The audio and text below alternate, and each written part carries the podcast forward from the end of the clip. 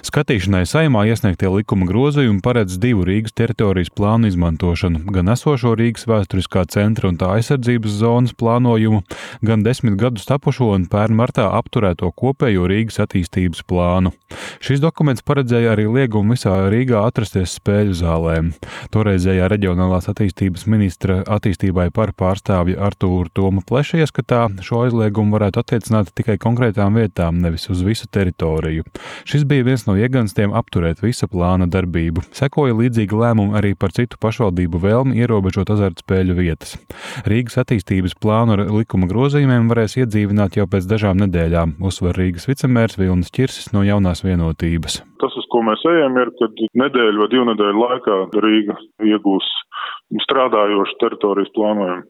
Pavisam noteikti Rīga ir uz gadu zaudējusi attīstību. Kādā naudā to novērtēt, to ir, to ir grūti, jā, jo viens ir kaut kādas neveiktās investīcijas, kuras pēc nekustamā īpašuma alianses aplēsēm ir vairāk desmit miljoni, bet vēl ir naudā grūti izmērāms ir uzticības faktors pašvaldībai, jā, jo daudz sevišķi kaut kāds ārzemju kompānijas, viņas nu, sāk tā no šķības skatīties, uz, ja rodās kaut kādi procesi, kurus viņi neizprot līdz galam. Tas var atturēt no tādas uzticības pilsētai un vispār ieguldīšanas šeit ir kāds. Rīgas doma saistībā ar iepriekšējā varam ministra lēmumu vērsās satversmes tiesā. Pēc tās lūguma tieslietu ministrija sniegus analīzi, ar ko iepazinās arī Latvijas radio. Ministrija piekrīt, ka bez mūsdienīga teritorijas plānojuma būtiski kavēta Rīgas kā valsts galvaspilsētas ilgtermiņa attīstību un ietekmēts arī tās budžets.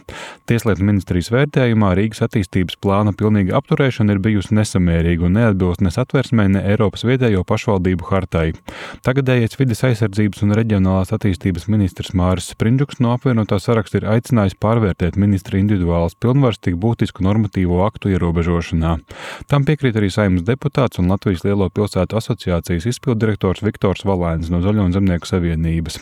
Par tādu mēroga jautājumiem būtu jālemj visai valdībai kopumā, viņš uzskata.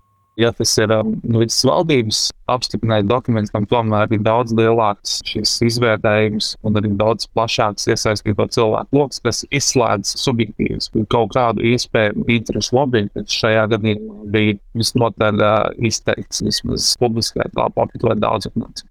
Uzdevums ierobežot azartspēļu darbību ir saglabājies, piebilst Vilnis Čirsis. Šobrīd uz Rīgas domu pastiprinātā apjomā nāk pieteikumi dažādu azartspēļu zāļu atvēršanai, paplašināšanai. Uzskatām, redzam tendence, domāju, ka varētu būt nesaistīta ar šo situāciju, ar teritorijas plānojumu un, un ar to tomu plašu lēmumu. Rīgas vicemērs pieļāva, ka doma pēc Rīgas attīstības plāna iedzīvināšanas varētu atsaukt pieteikumus atvērsmes tiesā. Savukārt Viktors Valēns uzskata, ka tiesas izvērtējums šajā lietā būtu nepieciešams, lai nepieļautu līdzīgu situāciju atkārtošanos. Jānis Kincis, Latvijas radio.